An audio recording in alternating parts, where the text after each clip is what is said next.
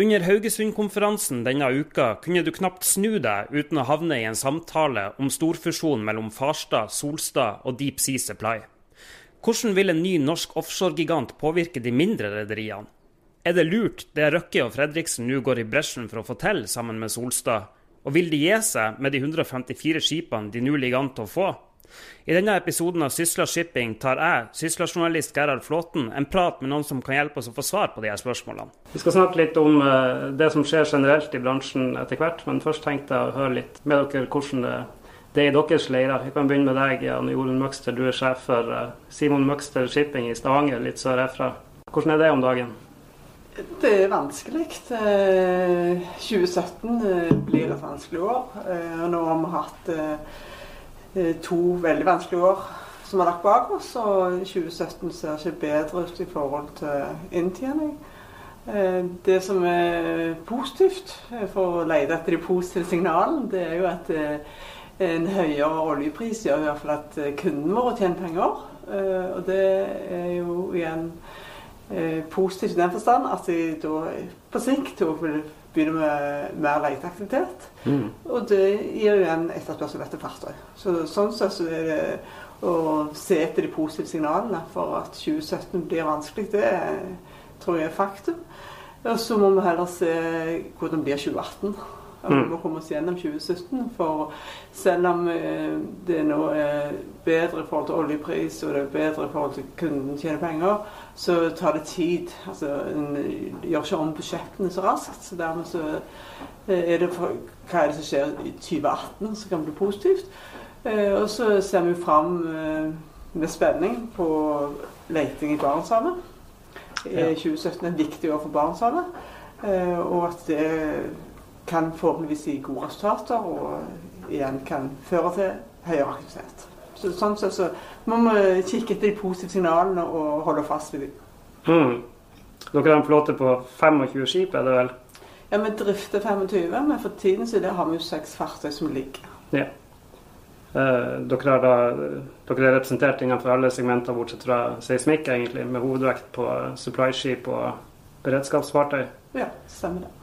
Så fikk dere jo faktisk eh, levert et skip i fjor. Ja, vi fikk levert et supplyfartøy i 2016. Og klart Det var et ekstremt vanskelig marked å ta ut et nytt fartøy, men vi valgte å ta det ut istedenfor å legge det rett i opplag. Eh, for det har noe å kjøre i gang et nytt fartøy og få det til å fungere. Og fartøyet har jo fungert godt, eh, men selvfølgelig har vi ikke hatt noen rater som har forsvart eh, aktivitet. Men vi har likevel satsa på fartøy, og for tiden så jobber de i Barentshavet. Mm. Det er mye snakk om eh, restruktureringer om dagen. Dere er ikke på børs, har ikke obligasjonsgjeld. Familieeid. Hvordan går det for dere? I forhold til den situasjonen det markedet, så er det ingen rederier som går uberørt gjennom dette. Eh, som vi er alle berørt av. Eh, så vi er i samme situasjon eh, i forhold til at det er vanskelig. For det er jo inntektsgrunnlaget som totalt forsvinner fra samtlige rederier. Så sånn sett så er det ingen rederier som går gjennom denne krisen uten å måtte snakke med sine banker. Mm. Siden av her sitter Jan Fredrik Meling i Eidesvik, Bømlo-rederiet. Altså, dere, er jo, dere er jo litt sammenlignbare i størrelse. Dere har ca. like mange skip og like mange ansatte omtrentlig. Ja, nei, det er riktig det. Og jeg tror ikke jeg skal legge noe mer til når det gjelder liksom markedsutsiktene enn det Anne gjorde har sagt. De, de, deler vi fullt ut. Historisk sett så har jo Eidesvik vært et rederi som har vært tuftet på lange kontrakter. Om det har vært innenfor subsea forsyning eller på seismikk. Det har vel gjort at vi har blitt liksom innhenta av dette elendige markedet noe senere enn andre. Det er jo for så vidt litt, eh, litt, greit, men det er jo klart disse kontraktene er jo i ferd med å gå ut, stort sett det meste av det. Eh, så vi møter jo markedet på akkurat på samme måte som Simon Møgstad gjør, og de øvrige. Eh, og, og det gjør at en, en, en, er, bare nødt til å forsøke å finne de smutthullene som er til stede, for i det hele tatt å liksom komme seg gjennom dette. Så er det et spørsmål om hvor lenge dette kommer til å vare. Nå har jo ikke vi hatt de store overskriftene i avisene med restrukturering og slike ting, fordi at vi, vi er som sagt blant de siste mann ut, for å si det på den måten. Eh, men vi har jo begynt samtaler med våre banker, og det er jo som Manion sier, det er jo helt umulig å komme gjennom dette så sant ikke et under skjer eh, i løpet av veldig kort tid.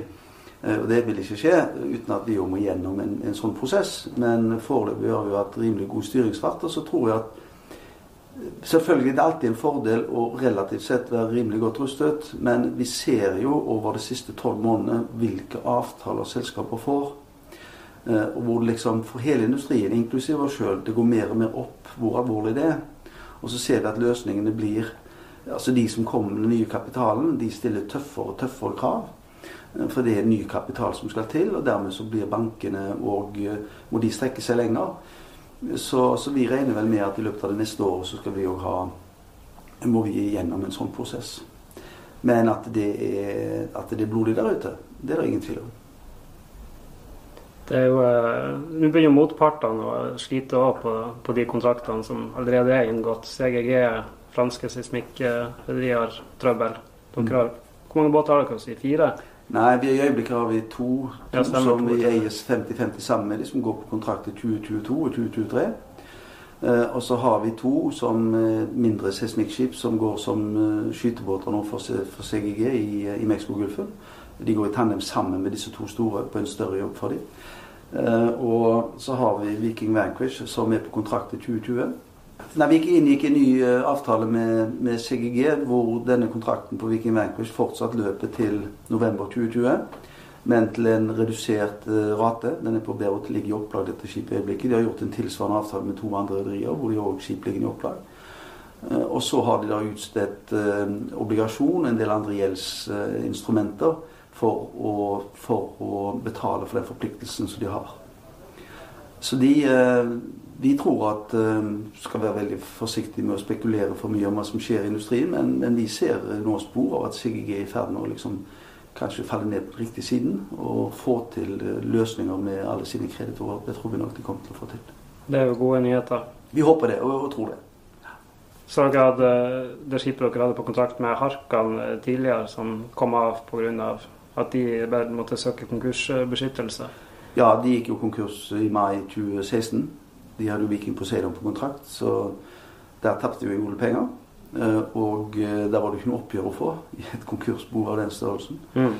Eh, den, det skipet skulle vært på kontrakt nå til januar 2017, så det var, sånn sett så var det et halvt år vi tapte på det. Så det skipet har stort sett ligget i opplag siden den kontrakten ble terminert. Hvordan er det å være sjef nå? Det kan ikke være spesielt hyggelig? Nei. Det er det, er det som jeg vil jo si at det, det, det vanskeligste med å være sjef i et rederi i dag, det er jo da når du, må, du må legge opp folk. Når du må si opp folk. Eller permittere folk. Det er, og det tror jeg uansett hvilken industri man det er det tøffeste. Det er, her har du dyktige mennesker og kompetente folk. Men så har vi jo vi inngikk som det første rederiet en, en, en, en, ny turnusordning med så godt som alle våre sjøfolk. At istedenfor at de er fire uker på sjøen og fire uker hjemme, så er de fire uker på sjøen så er de åtte uker hjemme. Og hvorfor gjorde vi det? Jo, vi hadde to primære mål. Det ene var å unngå å kvitte oss med veldig kompetente folk. Vi har da flere ansatte, men de går hjemme eh, to tredjedeler av tiden. Så det betyr jo at de, de har gått ned i lønn. Men det, gjør, det gir også en betydelig større fleksibilitet, f.eks. å bemanne opp et skip hvis vi skal bryte opplag. Og så har vi sluppet å si opp så mange som vi ellers hadde måttet si opp. Det er det, det, er det vanskeligste med, jeg, med å være sjef. Disse andre tingene, det, selvfølgelig er det komplisert. Men så må vi prøve, å, prøve å se litt det positive. Vi, vi holder jo på med ting som vi aldri har gjort før. Det er mye finansiell engineering oppi dette, og det, du lærer noe hver eneste dag. Så vi må jo prøve å se hva som er positivt i det, men, men det, det, sier seg selv at det, det, er ganske slitsomt. Hvor mange er det som har måttet gått hos dere siden toppen? Ja, vi har vel redusert jeg tror det er i størrelsesorden 120 sjøfolk som vi har måttet redusere med. Det har jo ikke vært bare fordi at pga. opplag. Men det er òg fordi at vi har sett oss nødt til å skifte flagg på noen skip. Ellers så hadde de blitt liggende i opplag. Eh, og når vi skifter flagg, så kan vi da bruke utenlandsk bemanning som er rimeligere. Eh, og det har vi vært nødt til å gjøre. Ellers så ville Da har vi i hvert fall beholdt en del sjøfolk. på den mm. måten. Så, og det er jo mange av våre konkurrenter som har vært gjennom akkurat det samme. Dere var først ut med denne 1-2-rotasjonen og fikk det mm. godkjent. Mange andre har kommet etter.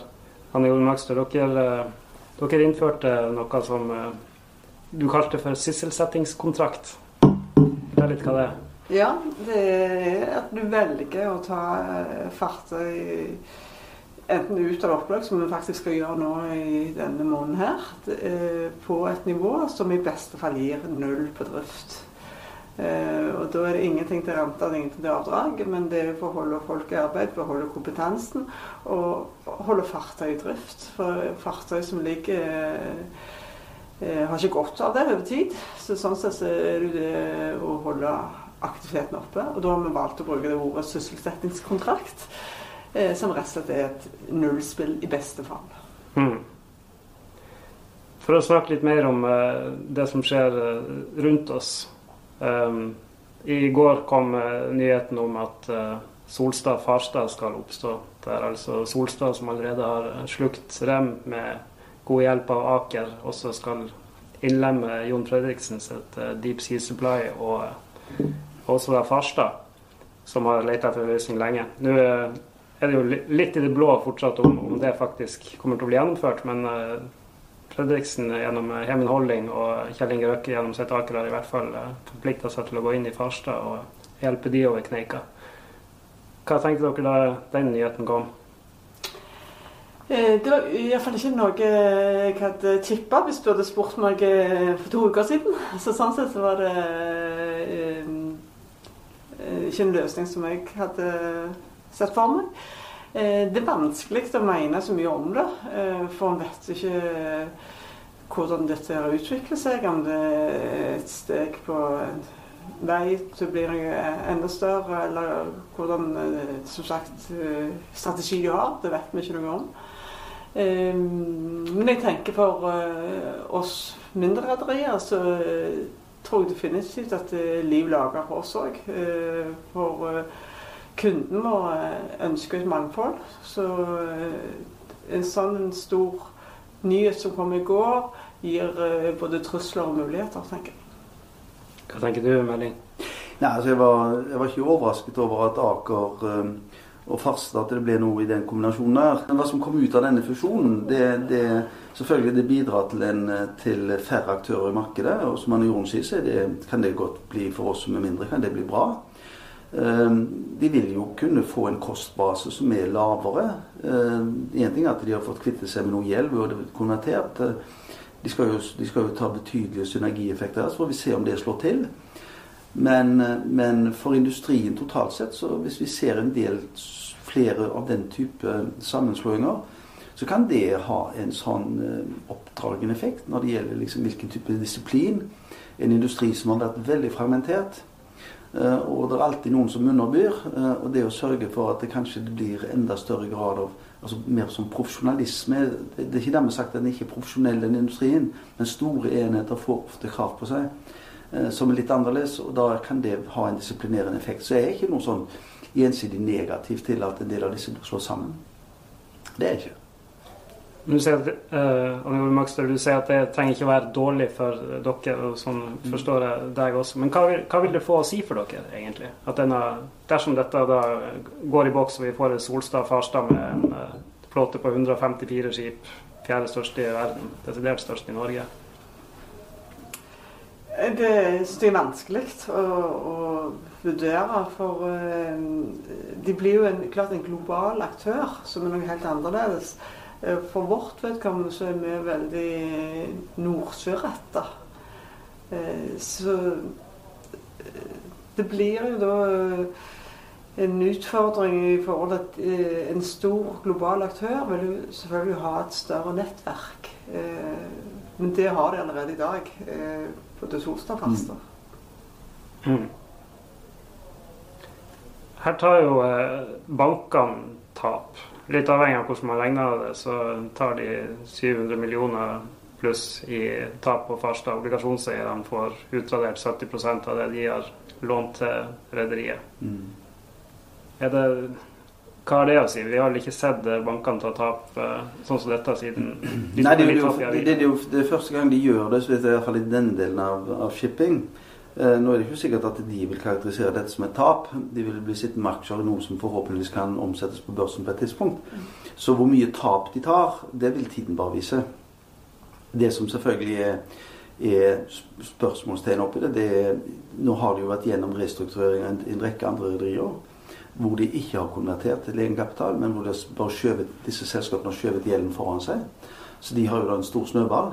Mens det som her skjer, hvorvidt 700 millioner om de er tilstrekkelig oppi dette, det skal, men så har vi et obligasjonslån i tillegg. Eh, så er jo det klart, det er jo første gang det skjer at da sier banken at vi får være med på, på eiersiden her for å få ned et gjeldsnivå som de nye pengene har stilt som krav. Det er jo helt åpenbart at det er det som har skjedd her. sånn at vi ser det. Uh, og, og, det kan godt være at vi vil komme til å se mer av det på de som skal gjennom restrukturering framover nå. For å dvele litt mer med, med det poenget at uh, dere som mindre aktører enn dette i hvert fall kan, kan leve godt. Altså, er dere i samtaler med potensielle som vil gå inn og på en måte forrykke eierkonstellasjonen hos dere på noe vis? Noe Nei. Nei. Snakker ikke med noen?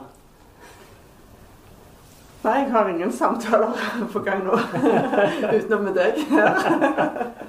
Og det er hyggelig. Hva med dere i Hedesvik? Jeg har ikke lyst til å kommentere hvilke tanker vi gjør oss rundt den finansielle restrukturering som vil måtte komme i Edisvik framover. Det, det, har jeg ingen, ingen forutsetninger for å kommentere noe nærmere. Nei. Er det, sånn som jeg forsto eh, Knut Vårå her eh, før i dag, Eh, i DNB, så er det de som kommer med friske penger, som legger premissene for hvordan dette skal se ut. Er det det inntrykket dere i bransjen sitter med? Eller, ja, definitivt. Ja. For det første så får man ikke til noen finansiell restrukturering uten at det kommer nye penger. Altså Uavhengig av hvor de kommer fra. Om de kommer fra eksisterende aksjonærer. Eller, men det, kom, det, må komme friske penger. Det er, helt, det er, det ene som bankene stiller som krav. Men de som kommer med de pengene, de vet jo at friske penger er verdt tusen ganger mer enn de pengene som sitter i de systemene de skal inn og være med å finansiere. Så de stiller sine krav. Og de sier at vel, under forutsetning av sånn og sånn og sånn, og sånn, så kommer vi med x 100 millioner kroner. Men da skal, da skal obligasjonseierne gjøre sånn, bankene sånn. Altså de, de, de, mitt inntrykk er helt åpent. Jeg har snakket med mange i, i, næringen. Det er sånn det foregår. Og så er det selvfølgelig veldig mye tautrekking mellom obligasjonseiere på den ene siden, bankene på den andre de eksisterende aksjonærer på den tredje siden og de nye pengene på den fjerde siden. Så her er det mange som skal Men, men det er jo klart, i dagens situasjon Når bare se hvor mye verdier som er utradert i industrien, så får friske penger ufattelig mye for lite. Mm. Det er sånt er det. Det er ikke noe spesielt i den industrien. altså en Enhver bedrift som er i den type situasjoner som disse selskapene vi snakker med har vært i, eller er i, så stilles det knalltøffe krav for å gå inn for hvorfor skal de gå inn hvis de, hvis de ikke kan se for seg at de i hvert fall kan bevare pengene sine? Og I mange av disse rederiene er det sånn at eh, med den eksisterende gjelden så er det mange som ikke tror at de kan komme i posisjon noen gang til å betjene den. Selv om de får tre-fire års avholdsutsettelse. Men da er jo muren så høy. Og da må man, man må jo samtidig ha to tanker i hodet. Hvordan skal være i stand til å betjene den gjelden da i 2020 eller 2021? Og det er det vi forstår som sitter på utsiden eller på sidelinjen og ser på dette. Det er jo mye av spillet. Altså, Skal vi komme med friske penger i dag? Ja vel, men da må vi anskueliggjøre at det, vi kan tjene penger i 2021. Og med den gjelden så tror vi ikke det. Så derfor må noen ta en, en cut. Mm. Så dette er, dette er rått spill. Det. det er ikke noe, noe nytt under solen. Dere har begge på mange måter spesialisert dere innenfor hver deres eh, retninger. Dere i Simon Wexter Shipping har brukt eh, mye penger på å gjøre skipene deres klare til å operere i eh, Barentshavet og satsa på en, en, boom der. Mens dere i Eidesvik har flere av PSV-ene deres. Flesteplassen av PSV-ene går faktisk på LNG. Ja, fem av syv av de vi eier. Ja. Uh, og dette er jo satsinger som er, som er, kostbare, og det er noen som sier at uh, vel, i hvert fall på supply så er dette en uh, sånn Jeg vet ikke hva vi skal kalle det, metervare, men det, det, er ikke noen grunn til å bruke noe ekstra penger på dette til lastebiler. Hva sier dere til, til de? Det er jo den samme containeren du skal flytte ut i 2017 som du kanskje flytta ut i 1986. Så eh, hva som gjør at fartøyene har blitt mye større og mye mer avansert. Og, og, og selvfølgelig der er òg mye, mye mer kostbare. Eh, det er det flere årsaker til. Det har vært eh, ulike drivere i det. Eh, det har vært eh, ja, mange årsaker sånn sett som har gjort at vi har kommet der vi har kommet. Men vi mener jo at fartøy som er tilrettelagt for nordområdene, vil ha en framtid for seg. så Derfor har vi satsa på nordområdene. Og mener at da trenger du litt større fartøy. Da trenger du mer tilrettelagt for det som vær og vind krever i nord. Så Det er årsaken til at vi har satsa nord, helt bevisst. Og så har vi satsa på beredskap. Så det er liksom de to hovedpilarene vi har satsa sterkt på. Uh, og beredskap er mer en nisje. Uh, og nordområdene kan til tider òg synes sånn, men uh, der har vi forventning om at det markedet vil bli bra. Mm. LNG-investeringer, får dere den igjen?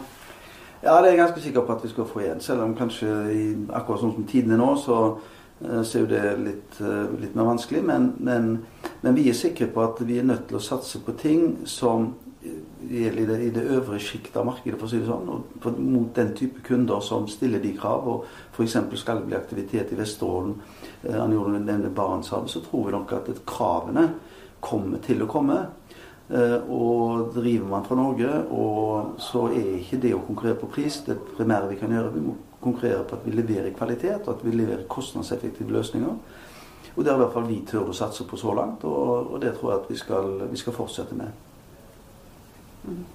Jeg kan jo legge til i forhold til LNG, eh, for det er jeg jo veldig enig med Jan Fredrik at eh, LNG er et fantastisk eh, område å satse på. Og I motsetning til Eidesvik så har det gått mange år fra vi fikk vår første i 2003 til vi fikk båt nummer to på LNG i 2015. Eh, men at det er en vei å gå, det er jeg jo helt enig i. Så det gleder jo mitt hjerte at vi kan gjøre sånne ting. Eh, så skulle vi selvfølgelig sett at eh, kunden vår òg hadde etterspurt det i, i, større grad. Og sånn sett bidra til utviklingen. Men på sikt så tror jeg det òg altså vil komme. Mm. Jeg fikk en oversikt fra Statoil for ikke så lenge siden. De har vel seks båter totalt på LNG nå. Noen vil kanskje hevde at dette vil være tidspunktet for å skaffe seg litt uh, kanskje billige LNG-båter istedenfor uh, de som forurenser mer. Det er ikke dum idé, det. det er jo en tøff situasjon, uten tvil, som dere er i. Hva er det som gjør det kjekt å gå på jobb? Det er jo en veldig spennende næring. Eh, og sånn sett har vi vært eh, Eh, vant med at ting går opp og ned. Eh, det som er forskjellen nå, det er jo at denne krisen er så mye mye dypere og så mye mer eh, vanskelig å komme gjennom. Og det er få lyspunkter i akkurat nå, men allikevel det er jo noen lyspunkter, du må holde fast med de. Og så er vi jo en, næring som vi er vant med å stå på. Vi gir oss ikke. Så derfor så er vi fightere. Så det er å stå opp tidlig om morgenen, fighte på sene kvelder og ha samme arbeidsglede og hardt arbeid. Det er ingen quick fix. Det er bare til å få med seg gjengen og stå på. Mm. Jeg kan bare legge til at uh, det er klart, vi må aldri glemme at det svinger utrolig fort. Det var ingen som trodde at denne krisen skulle bli så bratt og komme så brått på oss. Selv om man i ettertid kan se at signalene var jo der. Og så er det sånn at historien har i hvert fall vist at ting plutselig begynner å snu igjen òg. Og vi ser nå på en del av disse lyspunktene som, som Anne Jord nevnte litt tidligere, innenfor seismikk, hvor vi er ganske tungt involvert. Historisk i hvert fall. Når det begynner å ta røre på seg, så rører det seg fort. Og da ser vi at det skjer ting veldig på kort sikt, og ratene går. Så så vi er nødt til å være optimist. Vi vet at dette snur. Det kan snu litt ulikt innenfor forsyning, subsea og, og seismikk. Kommer komme litt, de kommer i ulike faser. Dette kommer tilbake. Så er det bare spørsmål om hvor lang tid tar det for ubalansen i tilbudet etter spørsmål blir absorbert. Men vi er nødt til å være optimister. Det er jo derfor vi er i denne bransjen. Og er det noe som kan trengs nå om dagen, så er det optimisme. Seks PSV-lengder lenger ned på kaia fra Haugesund-konferansen sitter skipsmeglerne i RG Hagland. Sjefen for offshorebiten, Kenneth R. Johansen, ser at pengesekkene til de norske rederiene skal slankes enda mer i år enn de gjorde i fjor. Det som er eh, kanskje den største utfordringen i år, i 2017, er at kontantstrømmen i rederiene kommer kanskje til å bli den dårligste i denne nedgangen. Og Det er fordi at alle kontraktene, de lange kontraktene som de har hatt før, er blitt borte. Mm. De kan ha blitt sagt opp, de kan ha blitt reforhandla, at man går lavere på raten og går lenger. De siste to kontraktene som ble annonsert for Deep Sea Supply, til Apache. De fikk jo inn én båt på seks måneder, og så gikk de lenger på, på to båter. Og de kontraktene som går lenger, de antar jeg da er reforhandla ned fra et relativt ok nivå til et lavt nivå. Så da, da bruker jo befrakteren de båtene som er på, til å ta inn så får Deep Sea Supply lengre kontrakter og en ny båt inn. Og så er de litt fornøyde, men de vet de må gå ned på nivå. Men det måtte de kanskje uansett. Og så, Mm. så ender det med sysselsettingskontrakter. da. Og Anne Jorunn vokste Anne Jorunn veldig godt sa det. Mm. Eh, Men det gjelder, det gjelder alle rederiene. Nesten alle kontraktene har vi sett er blitt reforhandla. Og veldig mange eh, kontrakter går jo naturlig ut òg. Så det, det og, Så det tilsier at kontantstrømmen nå er eh, fryktelig lav i de aller, aller fleste rederiene. Har de tatt tilstrekkelig høyde for det i de eh, eh, restruktureringene som allerede er gjennomført? Ja, det, det håper jeg da, men, men når det er sagt, så så vi jo det på, på den nye store fusjonen. At f.eks. Åge Remøy var villig til å legge inn 650 millioner kroner Mm. i Farstad. Og jeg antar at hvorfor bankene sa nei til det, var at eh, de så han hadde ikke 650 mil til hvis det kom til å gå galt. Som de som fort kan gjøre, da. Mm. Fordi som jeg sa, så, så, så tror jeg jo at vi kanskje er i bånn. Men hvor hvor lang tid det tar før vi kommer til et normalt nivå, og hvor lang altså bunnen av dalen er, da, det er vanskelig å si. Så man må nok være forberedt på at eh, det kan være flere magre år hvis ikke det snur fort. Mm. Nå har jo eh, de aller fleste vært gjennom én runde, og noen er i gang med runde to. Skal alle gjennom en runde til? Det, det er jo avhengig av markedet, da. Det er jo helt avhengig av markedet. Men eh, hvis Altså Det vi ser på både Subsea og PSV-kontrakter i år, er jo at det er ingenting igjen til renter og avdrag. Og, da blir det veldig vanskelig. Da blir det jo veldig vanskelig å, å tilfredsstille banker og investorer. For har du, du har store utgifter, og du greier bare å dekke drift og mannskap på båten. Så det er ingen igjen, ingenting igjen til bank, investorer. Det er til og med kanskje ikke noe igjen til å drive landorganisasjonen. Hvis denne storfusjonen går igjennom, så får du et eh, kjemperederi i norsk forstand. Hva tenkte du om denne fusjonen? Nei, altså, den er nok eh, Det er nok eh, drevet veldig mye av bankene, tror jeg. De, de har eh, flere flere store rederier som har problemer med å betjene gjelden, og så vil de gjerne samle de løse trådene og så sette sammen. Og så tror jeg at hvis eh, hånd, håndarbeidet til, eh, til ledelsen i, i det nye rederiet, så ser det ut til å bli Lars Peder som skal stå for, og Solstad. Hvis han gjør jobben sin eh, godt og får dette til å bli en god sammenspleisa organisasjon, så er det ikke noe tvil om han kan høste veldig når markedet kommer. For da vil han ha en verdensomspennende, et verdensomspennende rederi med veldig gode røtter, gode tradisjoner og godt navn. Og, og en fleksibel tonnasje. Og spesielt konstruksjonsflåten vil jo være flott. da, som kan, Hvordan man i de siste årene før krisen tjente gode penger. Mm. Det ligger jo en uh, stor andel av, av denne flåten uh, Eller ikke subsea-flåten, men da mener jeg av de 154 skipene som disse rederiene disponerer i dag, ligger jo i opplag. Nå nærmere 70 av skipene, tror jeg. Ja, jeg tror det er på 60-tallet. Ja. Ja, og de må jo ut, de òg. Så, så det er ikke noe tvil om at eh, på, på kort sikt så er dette knalltøft også for dem. Men de, nå har de fått ro på, på pengene, i hvert fall for, et, for en stund. Og så må de da fokusere seg på å få båten ut. da. Ikke kanskje, kanskje trenger ikke å fokusere like mye på, på å overleve og hente penger. Men når det er sagt, så er det også en veldig stor jobb å få dette til å bli én kultur, ett rederi. Så de har jo fortsatt så må de jo fokusere på kanskje litt andre ting enn det de aller helst burde gjøre, og det er å få sikker drift og, og, og god inntjening på båten. Ja, kan du si litt mer om det? Hva er kostnadene med å forene disse under en paraply? Et selskap?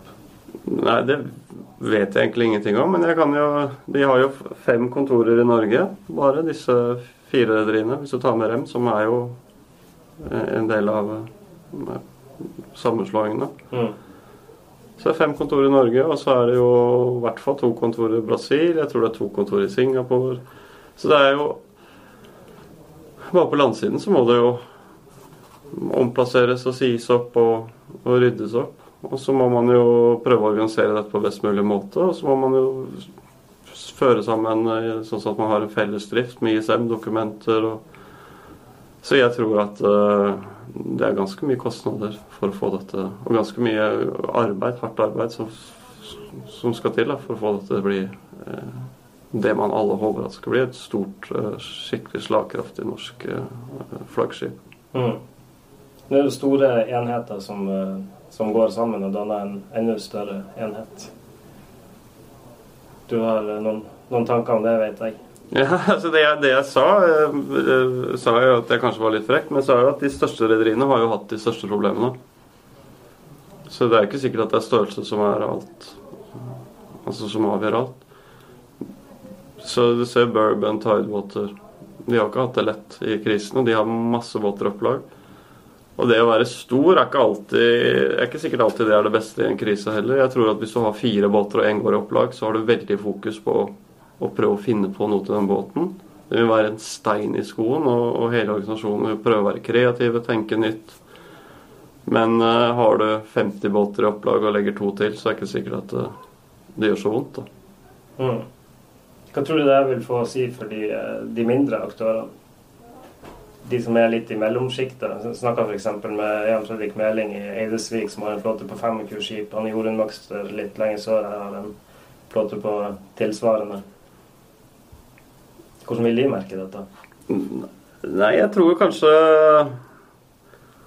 Jeg vet ikke, det vil merke så mye i markedet, men selvfølgelig å, å konkurrere med store, store rederier kan være tøft. Men jeg tenker kanskje spesielt på finanssiden. Altså det å få lån og det å også Jeg tror nok de vil, eh, det nye rederiet vil ha en helt annen eh, økonomisk muskel da, som de kan trekke på. Som kan være en kjempefordel. Mm. Så men, eh, men, i markedet så er det vanskeligere å se at de kan De må finne sin egen nisje, sin egen, sin egen spesialområde, hvor de er best. Og så får de andre bare være store og globale. Så det er jo ikke sånn som eh, Østensjøs f.eks., som satsa masse på accommodation nå. Det er jo ingenting som tilsier at man må være superstor for å være god. Man må jo være best på det du holder på med. Så, mm. så skal man tjene penger. Dere eh, sitter jo her i, i, Haugesund og har eh, og megler. Um, får med dere en god del av hva som skjer rundt omkring. Er det noe begynner å røre seg der ute? Vi skal i hvert fall ikke noe lenger ned. Verken på rater eller på, på aktivitetsnivå. Det, det, begynner å røre seg litt. Grann. Hos oljeselskapene litt mer villige til å investere. Det er mange forespørsler. Det er uh, litt mer aktivitet. Men, men uh, Og så tror vi også at mye av båtene som er i opplag nå, uh, kanskje ikke vil komme ut igjen i offshore. Ja, si litt mer om det. Nei, altså det er, det er, ganske mange av de båtene som ligger oppe, er gamle.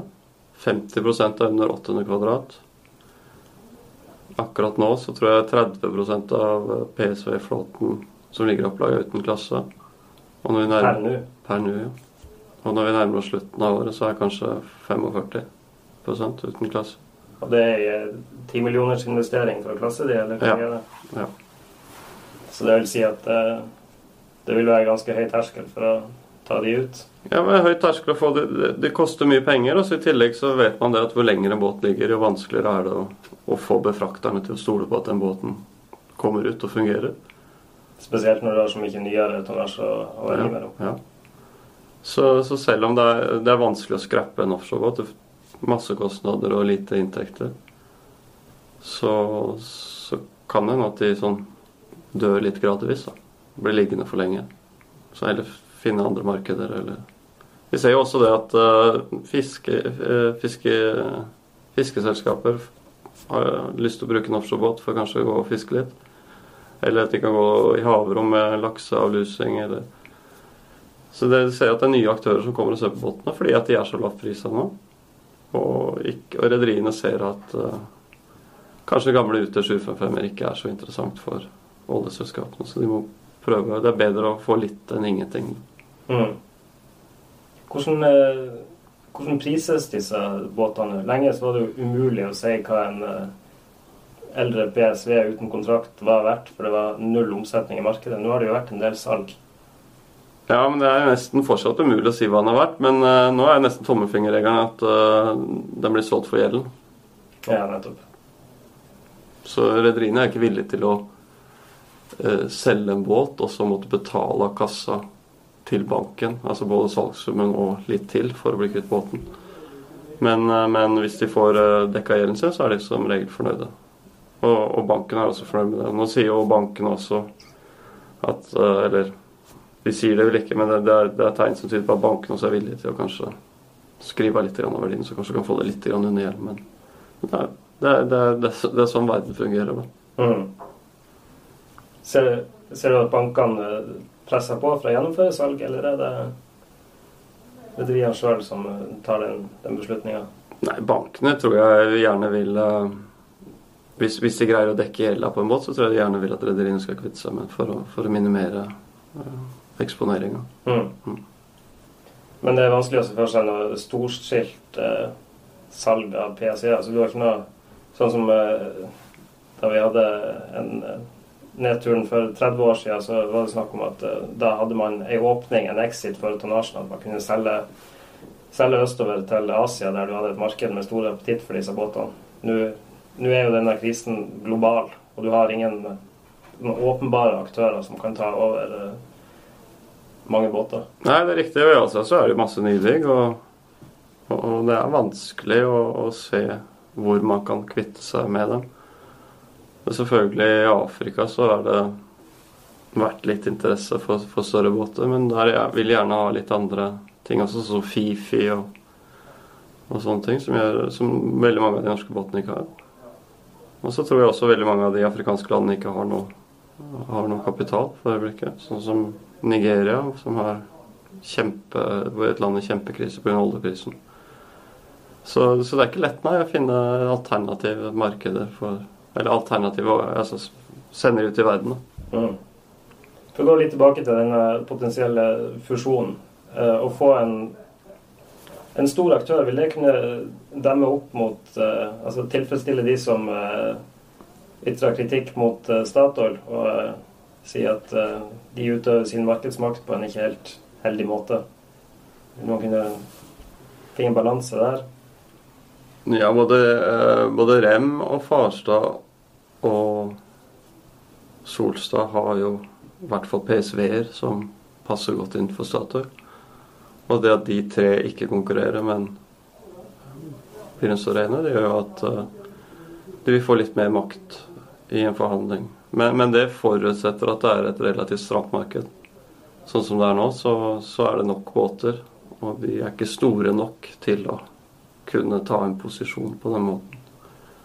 Og Det samme gjelder jo på ankerhandlinga. Der har jo både Rem og Rem Solstad Farstad har jo ankerhandlere som, som, eh, som Statoil bruker. Og, og ankerhandlermarkedet er jo veldig volatilt, så der vil de kunne kanskje komme i en situasjon hvor de har de fire ledige båtene og kunne straffe de da som kommer sist ut og trenger en båt. Om det er Statoil eller BP eller på UKs side. Eller. Så sånn sett så, så, så, så kan de jo ha en litt mer makt. Men vi vet jo at Siem har ti ankerendere som potensielt kunne tre i Nordsjøen. De har vel aldri Eller det, det husker jeg ikke, men de har i hvert fall hatt fem, seks. Men det er fortsatt vanskelig å, å drive markedet, da. Og du kan liksom ikke legge alle ankerenderne til Farstad og Solstad i Nordsjøen, fordi da blir det for mange. Da drukner de i markedet. Så ser jeg at de aktørene har jo båter eller eh, ankerendre layup, så det Hvor mye det påvirker, er vanskelig å si. Vet du noe om eh, hvordan dette nye selskapet vil bli eh, seende ut? Hva vil driftes fra hvor? Hvordan vil organisasjonene se ut? Nei, det, det har vi lurt veldig på, vi også. Det blir veldig spennende å se. da. Det er jo et stort puslespill. Men jeg tror jo at uh, Solstad har veldig lyst på konstruksjonsflåten og styre det. Det har jo vært uh, den retningen Solstad har tatt i mange år. De har vært mindre fokus på PSV ankerhender og gått for å være en uh, subsea-leverandør. Og nå får de jo flotte båter inn fra Rem, og så tar de igjen fem-seks båter også fra Farstad. Så blir de jo enda større på det markedet som, de, som jeg antar at de ser på sitt hovedsegment. Så det, det regner jeg med kommer til å drives fra, fra Skudeneshavn. Hva de gjør med PSV-en og ankerhenderne, det er vanskeligere å si. Hvordan passer Deep Sea Supply sin PSV-flåte inn i det her eh, regnestykket? Nei, de var, var, nok mer interessert i pengene til Fredriksen enn båtene hans. Eh, men, men, de er jo De er jo De har ganske moderne båter, flåte med tolv PSV-er som er bygd i Kina, pluss fire som er bygd i India. Som de kan bruke både i Singapore, to går i Australia allerede. De kan bruke de på UK-side, der går det jo flere også på term. Så sånn sett så passer det ikke så veldig dårlig inn, men det er en litt annet segment. da. Men nå, hvis man skal bli stor, så må man kanskje ha en fot i litt forskjellige segmenter. Og Brasil også, så er jo disse båtene egentlig litt skreddersydd for å gå. Men du vil ikke finne dem på norsk side av, av Nordsjøen? Nei. Hvorfor ikke?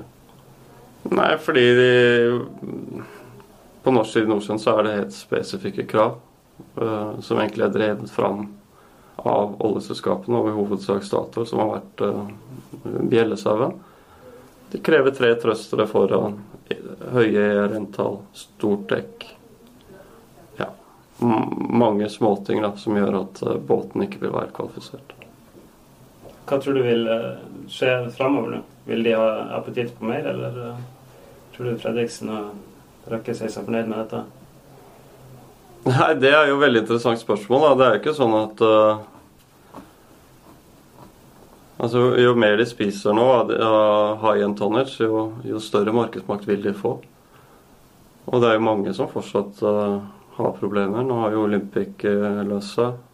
men det er, en, det er, jo en, type tonnasje som jeg tror uh, i hvert fall Lars Peder gjerne ville slått kloa i en sånn sammenslåing. Mer enn Deep Sea Supply-båtene. Hvis vi kunne tatt de også inn, så hadde vi hatt et monster av et subsea-selskap. Mm. Så appetitten er der, men, men de, jeg, jeg, tror de ser på mulighetene. Så tror jeg også bankene også vil kunne styre noe når de kommer til selskaper som de ikke greier å betjene gjelden sin. Men det er, ikke, det, er ikke, det er, vel ikke så mange kandidater igjen? Nei, det var det jeg satt og tenkte på. Hvor, hvem er de hoppbare kandidatene som er igjen? Er det noen? Nei, det Jeg vet ikke om jeg vil kommentere engang. Jeg har vel kanskje noen tanker om noen som kanskje kan få problemer, men, eh, men jeg, ikke, jeg, vet ikke nok om situasjonen til de forskjellige rederiene. Mm. Men hvis, hvis, vi legger til grunn at man har uh, nådd en, en bunn, samtidig som du sier at kontantstrømmen i 2017 kommer til å bli uh, veldig dårlig, mm. hvordan ser krystallkula ut da? Nei, Det er det som er vanskelig å si, da, fordi vi, vi vet jo ikke vi vet ikke når oljeselskapene begynner å investere igjen, og ikke vet vi hvor fort de gjør det, og ikke vet vi helt hvilken type tonnasje som vil bli etterspurt. Ikke vet vi hvilke regioner som kommer. Plutselig så kan Putin og Trump bli venner og, og åpnes igjen for aktivitet i Russland.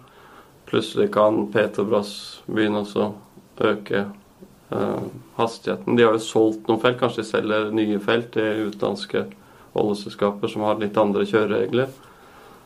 Så Det er så mange store usikkerhetsmomenter, så det er vanskelig å si når det kommer. Men det som eh, skremmer IEA, og som også skremmer litt meg, er at man har jo nesten slutta å lete etter olje. Man finner mindre og mindre olje fordi man ikke leter.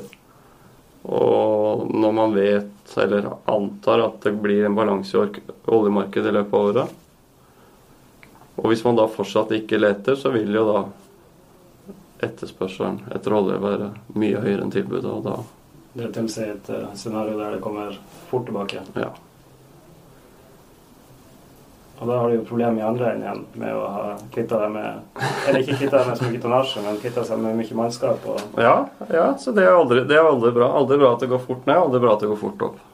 Uh, men jeg tror jo mange rederier håper at det går fort opp, da. Fordi de har virkelig kjent dette ekstremt tungt på kroppen. Og, man kan ikke fortsette med sysselsettingskontrakter sånn som man har gjort nå i, i to år. Det, det er rett og slett uh, ekstremt ødeleggende for, uh, for uh, både nyutvikling, for rederiene som eksisterer. Du ser flinke familier som har bygd opp formuer over generasjoner, som, hvor alt bare blir borte på to-tre år. Det, det, er ikke noe verken noe hyggelig eller noe sunn situasjon vi er inne i. Så jeg håper jo at markedet kommer, men, men sånn som vi ser ratene som blir bydd nå, for 2017, så er det ingenting igjen til rederiene. Og så får vi da håpe at aktiviteten går opp, sånn at det blir litt mer sunnere rater. Det er litt forskjellig innenfor de forskjellige segmentene. PSV, du viste meg en oversikt over ratene de har gått for de siste årene. Og det er jo få ganger de har vært uh, over OPEX. Ja. Um, Subsea-segmentet har vært det som har uh, vært mest innbringende for de rederiene som har vært, uh, hatt, hatt, båter i det segmentet, inntil kanskje nå. Jeg vet ikke. Ja, det har, vært, det har vært det mest innbringende segmentet, men nå ser vi at uh, det blir bydd lavt. Men ikke, kanskje ikke så, så, så, ekstremt lavt som på, på PSV, men det blir bydd veldig lavt. Men der er det også en del kontrakter som løper som er ok for, for rederiene ennå. Så Men jeg tror jo at det er et av de segmentene som kan komme først. Subsea? Ja. Ja, Man skulle tro at det var på en måte i At det er seismikken som kommer først? Ja, det, jeg er enig i det. Jeg er enig i det. Jeg er enig i det. Men allikevel så er det ikke uh, Det er ikke bygd så mange båter. Altså det er lett et mer oversiktlig uh, marked.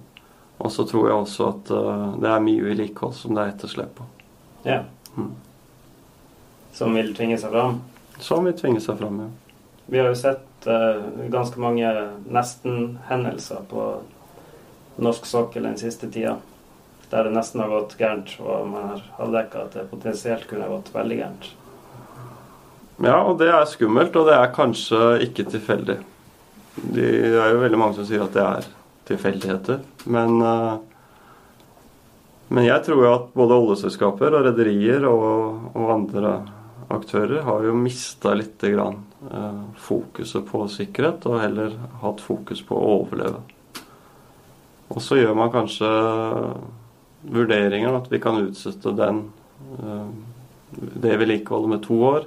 Vanligvis har vi hatt ett år, men, men reglene tilsier to år, og vi har sett hvert år at det har gått greit, så da kan vi utsette to år. Og så når man gjør sånt over hele fjøla, så, så kan det godt hende at det får noen uante konsekvenser. Mm. Så det er skummelt. Det er ikke optimalt. Det er ikke sånn vi vil ha det. Men når ingen har råd, så, så blir det som det blir. Er du uh, mye i kontakt med utenlandske aktører som uh, er sultne på norske skip? Ja, altså det som uh, Vi trodde jo kanskje at vi skulle selge flere skip til utlandet. Fordi det er en veldig høy dollarkurs også. Men vi har ikke helt sett den effekten. Så det er egentlig litt overraskende. Det har gått, gått, har gått noe til utlandet, men my, mye mindre enn jeg trodde egentlig. Fordi den sterke dollarkursen gjør at man får norske flotteskip til en relativt lav dollarkurs. Man skulle jo tro at uh, kanskje private equity-selskaper i USA f.eks. kunne se på dette som en gyllen mulighet til å komme seg oppside. Ja, det er, også, det er, også, noe vi har sett, men vi har kanskje sett mindre av det i år enn vi så i, i fjor. Det har kanskje vært en litt dalende. Men jeg tror at de Vi ser rett og slett det fallet på skipsverdier har kanskje vært enda mer tydelig i år enn det var i fjor. Og det er jo vanskelig å si når det kommer til å snu, så det er kanskje Kanskje de venter litt til, da. Til vi ser enda mer litt lys i tunnelen før de kommer. Men er de på, på hugget og ber om eh, skipsverdier og den type ting? Ja, vi, det, vi er, det er fond som er på hugget. Ja. Så det kan, det kan skje? Alt kan skje. Alt kan skje, Men det er ikke noen tvil om at, at uh, hvis man går inn i en, en bransje som er på bånn, og så tror man at det kommer opp om to-tre år, så er det selvfølgelig en vanvittig oppside. Og det er det de jager, selvfølgelig. Men det er sånn at uh, så godt som alle skip som tilhører norske rederier, er, er, til salgs til uh, riktig pris nå? Nei, jeg tror at hvis eh, huset ditt brenner, så, så tar du med deg smykkeskrin og løper. Og det er jo de flotteste båtene er jo de de helst vil sitte på, som de vil ha når, når markedet snur. Så det er ofte de litt eldre båtene, litt mindre båtene, de båtene de ikke helt ser noe framtid for, som er offisielle salgskandidater. da. Men når det er sagt, så er det jo sånn at uh, hvis de kan uh, lette litt på balansen, og, og, bankene kan få litt ekstra penger, og sånn, så er det vanskelig å si nei til et salg nå. Så så jo Olympic solgte jo en, flott båt til Swire. Og det der var det jo en pris som var så høy at de hadde antagelig ikke råd til å si nei. Men hvordan er det å, være, eh, å sitte her og være eh, megler? Hvordan er stemninga? Nei, det er, jo, altså, det er jo litt sånn at uh, man har jo nesten gått gjennom mange faser. da. Først så trodde man ikke det man så, og så ble folk deprimerte, og så var det jo sorg, og så begynner folk å gi litt F og bare bryr seg ikke så mye. Men det er selvfølgelig allerede inne er forskjellige forskjellige faser, og avhengig av hvor mye kontrakter de har, hvor sent de kommer inn i, i problemene og sånn. Men Så det har jo vært det er jo litt Det er ikke så hyggelig, da, så å ringe rundt og, og, få bud på en båt hvis, på en PSV hvis raten er 30 000, som når han er 300 000. Det er litt morsommere da, for alle parter. Bortsett fra selvfølgelig olje, oljeselskapet, da. De syns ikke det er så gøy. Men, men, men vi holder humøret oppe, vi, og jeg syns rederiene også er flinke til det. Det blir litt sånn galgenhumor til slutt. Kan jo ikke gjøre noe annet enn å stå på. ja, det gjør de jo. Ja, det gjør vi alle sammen. Det, men det er jo ingen som, ingen, som, um, ingen som har det lett om dagen. Verken befraktere eller, uh, eller meglere eller rederier. Det er en felles krise. Tror du, når, når dette snur Nå vet man ikke i hvor stor grad det kommer tilbake, men vil man ha lært av sine feil da? Tror du at man fortsatt vil hente mye penger i obligasjonsmarkedet? og spy alle, alt som kommer inn ut i ny båt? Lærer man noen ganger shippinga? Det er de samme feilene som på en måte går igjen segment i segment og krise og krise. Overkontraheringsbølgen f.eks. Som, som kom, den er jo helt klassisk. I gode markeder så bygger man seg i hjel. Og far, største faresignalet er jo egentlig når sånne investorer kommer inn og tar 15 båter og 15 båter. Det, det var ikke helt sånn i, i, i, offshore, men det var ikke så langt unna heller. Uh, så, så, overkontrahering kommer vi nok til å se igjen uh, hvis markedet blir for godt. Uh, dette med finansiering, hvordan man har løst det i, i offshore, tror jeg i hvert fall bankene har lært en kraftig lekse på. Vi har jo hatt en bransje hvor man har vært velsigna med at skipsverdiene har holdt seg stabilt høyt hele tiden. Og man kan etter 15 års drift nesten selge båten for det man bygde den for. Og, og, derfor så fikk man jo låne på balansen og restverdiene. Og, og det så jo tilsynelatende veldig fornuftig ut. Men selvfølgelig når alle skipsverdiene kollapser samtidig, så sitter man jo egentlig igjen med bare luft og enorm gjeld. Og det har nok eh, ja, har jo banken innrømmet at de har dumma seg ut på, på vurdering av balansen til rederiene. Og, og, så der har de nok kanskje lært en lekse. Så spørs det om de glemmer den om 10 år eller 20 år. Eller, det får vi jo se. Du har hørt den tolvte episoden av Sysla Shipping. Hvis du hører den allerede torsdag, tilhører du mest sannsynlig vår mest trofaste hørerskare som abonnerer på kanalen vår. Hvis du vil bli en av de, er det bare å søke opp Sysla Shipping i podkastklienten din og klikke på abonner. Vi setter også stor pris på om du tar deg tid til å legge igjen en vurdering der, og fortell vennene og kollegaene dine at de må abonnere på oss hvis du syns at vi gjør oss fortjent til det. Jeg ser fram til neste gang. Takk for at du hørte på.